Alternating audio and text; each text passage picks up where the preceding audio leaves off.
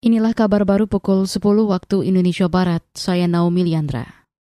Menteri Koordinator Bidang Politik, Hukum, dan Keamanan Mahfud MD mempertanyakan pernyataan ahli hukum dari Universitas Indonesia, Sudri Sitompul, terkait dasar hukum larangan LGBT.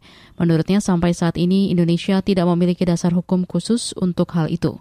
Sementara di Undang-Undang Perkawinan yang disebutkan tidak bisa dijadikan dasar penghukuman. LGBT itu dilarang oleh hukum, oleh undang-undang nomor 1 tahun 74. Dia bilang begitu dengan meyakinkan gitu. Saya bilang ini ahli hukum apa ini? Undang-undang nomor 1 tahun 74 itu kan hukum perkawinan. Kalau kita betul LGBT dilarang menurut hukum perkawinan. Tapi artinya bukan oh kita boleh menangkap orang LGBT. Hanya isinya itu kalau Anda kawin sesama LGBT itu tidak sah gitu aja. Untuk itu Menko Mahfud meminta kepada para ahli hukum untuk berhati-hati dalam mengeluarkan pernyataan terkait hukum. Karena terkadang cara pandang membuat penafsiran hukum menjadi keliru apalagi dengan perspektif politik yang memihak.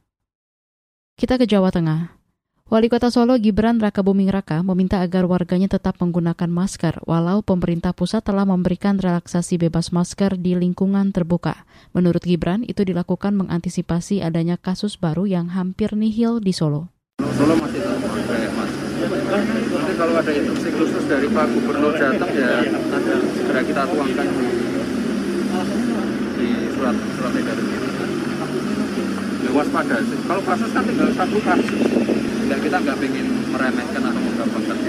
Wali Kota Solo Gibran Raka Buming Raka mengatakan masyarakat tetap diwajibkan menggunakan masker di ruang tertutup, kendaraan umum dan lokasi-lokasi minim sirkulasi udara.